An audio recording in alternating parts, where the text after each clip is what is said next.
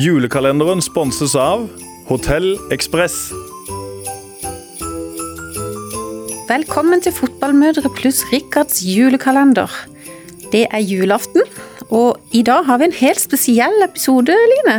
Vi har det, for det er faktisk sånn at eh, julekalenderen vår har blitt ganske populær. Vi har faktisk hatt en telefonstorm av gjester som har lyst til å besøke oss.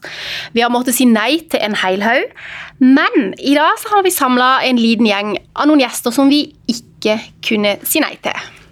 Og Førstemann ut han har vært medlem av den kunstneriske vennekretsen Den nye Wien. Han er glad i Stemte Ezzed, men er kanskje mest kjent for sitt ekteskap med prinsesse Märtha Louise.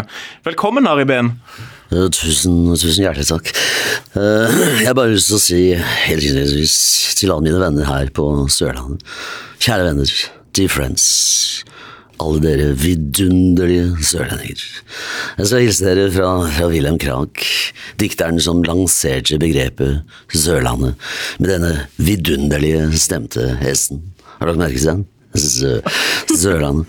Han døde riktignok i 1933, men Märtha snakket med ham i går.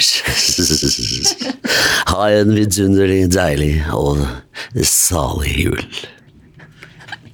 Tusen takk, Ari Behn. Han måtte løpe videre. Men uh, nestemann, eller rettere sagt neste kvinne ut, hun er i ferd med å få sin store drøm oppfylt. Hun har styrt Høyre siden 2004 og Norge siden 2013. Statsminister Erna Solberg, hjertelig velkommen til julekalenderen. Tusen hjertelig takk for det. Jeg vil bare på vegne av regjeringen få lov til å ønske alle sørlendinger en riktig god jul. Dere har jo gitt oss den julegaven vi ønsket oss aller mest. Kjell Ingolf Ropstad, som jo vet meget godt at den største gleden man kan ha, det er å gjøre Erna glad. God jul. Tusen takk til statsministeren. Hun måtte løpe hjem til Sindre, som nå står klar i statsministerboligen med juleribba. Eh, og mens statsministeren er på vei ut, så gjør vi klar for neste gjest. Han er også fra Moss. Han har stått bak grytene siden han var 16 år og var lærling på Grand Hotell i Oslo, og har rydda opp på utallige restaurantkjøkken og hjemmekjøkken landet over. Og vi snakker selvsagt om gourmet og stjernekokk Eivind Hellstrøm. Velkommen. Hjertelig takk. Hei sann, se på meg når jeg snakker til deg. Uh, julen nærmer seg. ikke. Den er her. Uh, og til de av dere som ikke har alt i huset uh, til nå, syv sorter ribbe, julepølse, medisterkaker, surkål, rødkål, rosenkål, gulrøtter, pinnekjøtt, mandelpoteter, bjørkepinner, kålrot, risgrøt. Det er dere som får en virkelig fredelig jul. God jul! Takk, Helstrøm. Jeg må bare, hvis, Før du løper ut av studio, hva disker selveste Helstrøm opp med på julaften sjøl? For å si det kort, det inneholder hvitløk og sansær. Mer sier jeg ikke. Tusen hjertelig takk, Eivind. Og da er vi klare for neste gjest. Det er da Sørlandets mest kjente komiker. Minst, jeg vil si landets. Hjertelig velkommen, Rune Holberg Andersen. Tusen hjertelig takk. Du, Hvordan står det til om dagen? Jo, uh, helt fabelaktig. Spesielt, uh, veldig fin in introduksjon. du det der, for Jeg er vel kanskje en av i hvert fall Sørlandets minste komiker. Uh, det er det ingen tvil om. både stående og sittende. Jo, førjulstida har vært fabelaktig på alle måter. Jeg har jo i år fått meg ei kone. Gratulerer. Ja, det, ja, tusen takk. Endelig, eller? Ja, ja, alle gode ting er tre. Så, og det er jo en, en, en gave, må jeg si. Så hun har jo tatt seg av veldig, veldig mye av det som, som jeg ellers måtte gjøre sjøl. Så jeg har hatt det egentlig ganske fredelig. Nå sitter hun hjemme med nyoperert skulder. Det betyr egentlig at hun har det ganske vondt, sånn rent smertemessig. Men selve juleforberedelsene jo da, var jo da unnagjort før hun skulle operere, som var for en uke siden. Så vi ligger jo kjempe, vi ligger veldig godt an, for å si det forsiktig. Ja, Så da slipper du å tre veldig hardt til nå de siste ja, jeg skal, jeg skal kun spikke den mandelen. Det er det. Det bør jo gå tålelig greit. Ja, Men du hjemme nå, er det, hva, hvor er det egentlig? Er det Randøyvann, eller er det Ja, nå spør du jo årets sigøyner, da. Eh, Jeg har jo vært over, over hele landet, så jeg er litt i tvil sjøl. Egentlig så er det Randøya, og som er, som er hjemme. Eh, Men så har, har jo min kjære kone eh, også et hjem som er rett ved parken her, midt i byen. eh, I et hus fra 1734. Det er jo fantastisk. Så vi er så heldige at vi kan bo to steder. Så vi veksler iherdig mellom Randøya og byen. En luksus uten like. Men så er du mye ute og reiser, og mye på turné. Ja, det har vært eh, en hektisk høst eh, der vi har spilt Lykke Liten eh, rundt forbi i Norges land. Ikke lenger nord enn Bjugn. Og det, det er ganske langt nord. Det er nord for Trondheim. For nord for, nord for Trondheim er det veldig kostbart å reise, og veldig langt. Så da må vi, må vi gjøre den til en, til en liten en slags sånn pocketutgave, tror jeg. Det er ikke så mye folk nord der heller, er det det? De, de sier det skal være det, men eh, de, de er vanskelig å lokke ut. Men eh, du sa du hadde hatt var det 74 forestillinger? Ja, vi har spilt 74 eh, forestillinger av Lykke Liten, og det er jo et eventyr. Eh, og, og så noe av det, me- det, er det mest meningsfulle jeg har gjort. Det er jo en viktig forestilling, en som, som har et viktig og alvorlig budskap, men som blir fortalt med masse humor. Så folk eh, er nok lettere forvirra når de går ut fra Lykke Liten, for de har ledd, og noen har grått, og noen har ledd så de har grått. Og det er jo det som er selve livet. Den består jo av både tøffe ting og eh, fantastisk flotte ting i en salig blanding. Og så er det hvordan man håndterer det tunge, eh, de røffe opplevelsene. Og da er humor eh, et godt universalverktøy. Så eh, det har vært en, et fantastisk år, vil jeg si, med Lykke Liten. Og med mange, mange sterke tilbakemeldinger. Men Brukte du mye humor også da du var liten? Eh, eh, jeg gjorde nok ikke det. Jeg var, jeg var en stille gutt da jeg var, var liten. Eh, da læreren min eh, det, det sier han på forestillinga. Jeg holdt på å si Hver kveld sier det, er det jo for meg, da. Men alle de forestillingene som vi har spilt, da, så har jeg med et opptak av Reidar Ringereide, som var min fantastiske lærer på Statshøgskolen. Eh, som skrev en mail til meg etter at vi hadde fortalt historien vår, søsteren min og meg, på vårt lille, lille land. Så skrev han en mail, og så jeg ba han lese inn om han ville lese inn den mailen om jeg fikk spille den på forestillinga. Så gjorde han det. Og der sier han det at du var ikke bare en stille gutt, du var lydløs. Så humoren kom uh, kasta på seinere i livet. Når jeg igjen møtte Ringereide, faktisk, på lærerskolen som voksen, da var han øvingsrektor blitt. Eh, og da var det noen som eh, ja, som bare tvang seg fram. Eh, og da Det var veldig forløsende. Humor er, er å, vidunderlig. Men hvordan kom det fram? Var du med på noe eh, revy? eller noe? Hvordan fant du ut at du var morsom, liksom? Eller andre fant ut av det? Ja, altså, jeg, det, var et, det, var, det var en ganske voldsom opplevelse. Vi, altså, som førsteårs lærerstudenter så måtte vi lage en, en revy. Uh, og så var jeg, til da hadde jeg aldri, aldri tørt å danse, jeg hadde aldri tørt å heve stemmen i forsamlinger, noe som helst. Og så var det liksom komme der hen i livet at nå, nå skal jeg prøve å gjøre alt. Så jeg begynte på leikaring, blant annet, og danseskole, og, og spilte revy. Og ingen, ingen i klassen turte å gjøre noe, så jeg kan gjøre alt. Kunne være alt det. Eh, Så jeg fikk all verdens roller, blant annet skulle jeg være Dag Frøland. Så lo de av det. Og, så, og jeg skjønte ikke helt eh, Jeg bare sa nå, nå kan jeg godt drite meg ut, det gjør ingenting. Og, og jeg trådde til alt jeg hadde, og de lo. Og det var wow. Det var som en liten frelse, rett og slett. Jeg ble frelst eh, til, til humorens tjeneste på Sørlandet. Så du var ikke noe klassens klovn egentlig du i det hele tatt når du var Nei, Nei. nei, det var ikke det. Så det var der talentet på en måte bare plutselig gikk det opp for deg, at du kunne Ja, det med å imitere spesielt.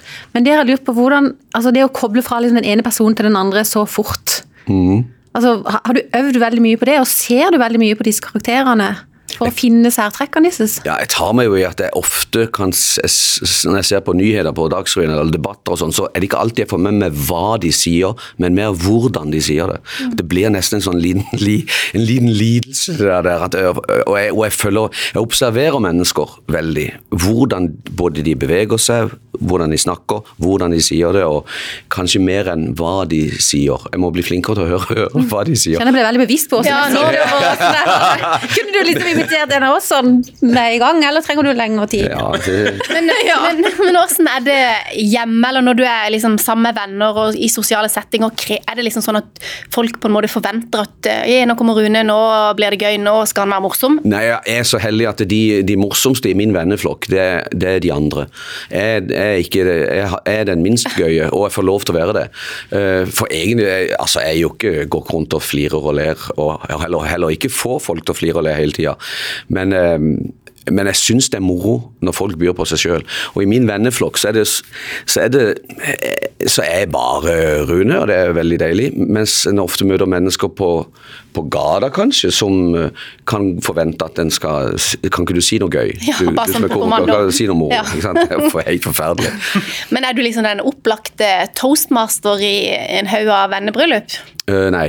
Nei? Det er heller ikke. Eh, og, og det er også, også en sånn ting at jeg trives veldig godt med å gjøre roller når jeg eh, får forberede meg skikkelig. Eh, og jeg har vært toastmaster noen få ganger, og, de, og det er noe av de verste jobbene jeg kan tenke meg. Det legger jeg mest tid ned i. Det, de spiser, spiser meg opp. Så, så jeg, men jeg, liker, jeg elsker jo å opptre og stå på scenen og fortelle historier. Det syns jeg er, moro, men jeg vil gjerne være forberedt. Har du levd av det hele livet? Du egentlig? Du begynte jo på, lærerhøyskolen, forteller du. Og Ja. Så ble du humor, eller komiker på heltid. Ja, nei, så, ja, så var jeg jo lærer. Jeg ble lærer uh, til slutt. uh, og var lærer eh, i, til, sammen, til, til sammen i fire år. Så begynte jeg å selge kulepenner og plastlommer. Så gjorde jeg det. Og limstifter og, kry, og kritt og, og blyanter. Til skoler, blant annet. Og, og også til Fevennen. ja, så, så det gjorde jeg i fire år. Og så ble jeg headhunta, så ble jeg salgssjef i et konkurrerende firma. Lokalt konkurrerende firma. Ja, så, og, så fikk jeg sparken etter fem uker. uh, og da var det sånn, hva skal jeg nå gjøre for noe? Da, og, og takk og lov for at jeg fikk sparken, så det må jeg jo si til han Dag Aukland. Uh, takk skal du ha for at du sparka meg i 95, for det, det var da jeg måtte ta et valg, et aktivt valg. Hva gjør jeg nå? Så da reiste jeg til Oslo, flytta på hybel så, og, og skrapa ned dørene til Else Michelet i NRK. Eh, og fikk jobb. Og siden 95 så har jeg gjort bare dette. Og det er din drøm? på en måte? Du lever drømmen, eller? Ja, jeg hadde jo ikke drømt om det heller. Nei. Jeg hadde ikke kommet på det. eh, for det var så langt utenfor det jeg trodde jeg kunne gjøre. Eh, men når jeg først fikk smaken på det, så, så ble det drømmen, ja. Det hadde vært fantastisk å leve av.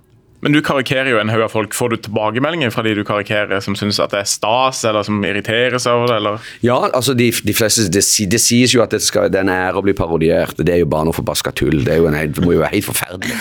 Det sitter noen og bare og, og ja, kanskje driter deg ut i Men, men det, det jeg har som, som sånn norm for min, for min egen del, er at jeg skal kunne gjøre alle figurene foran de.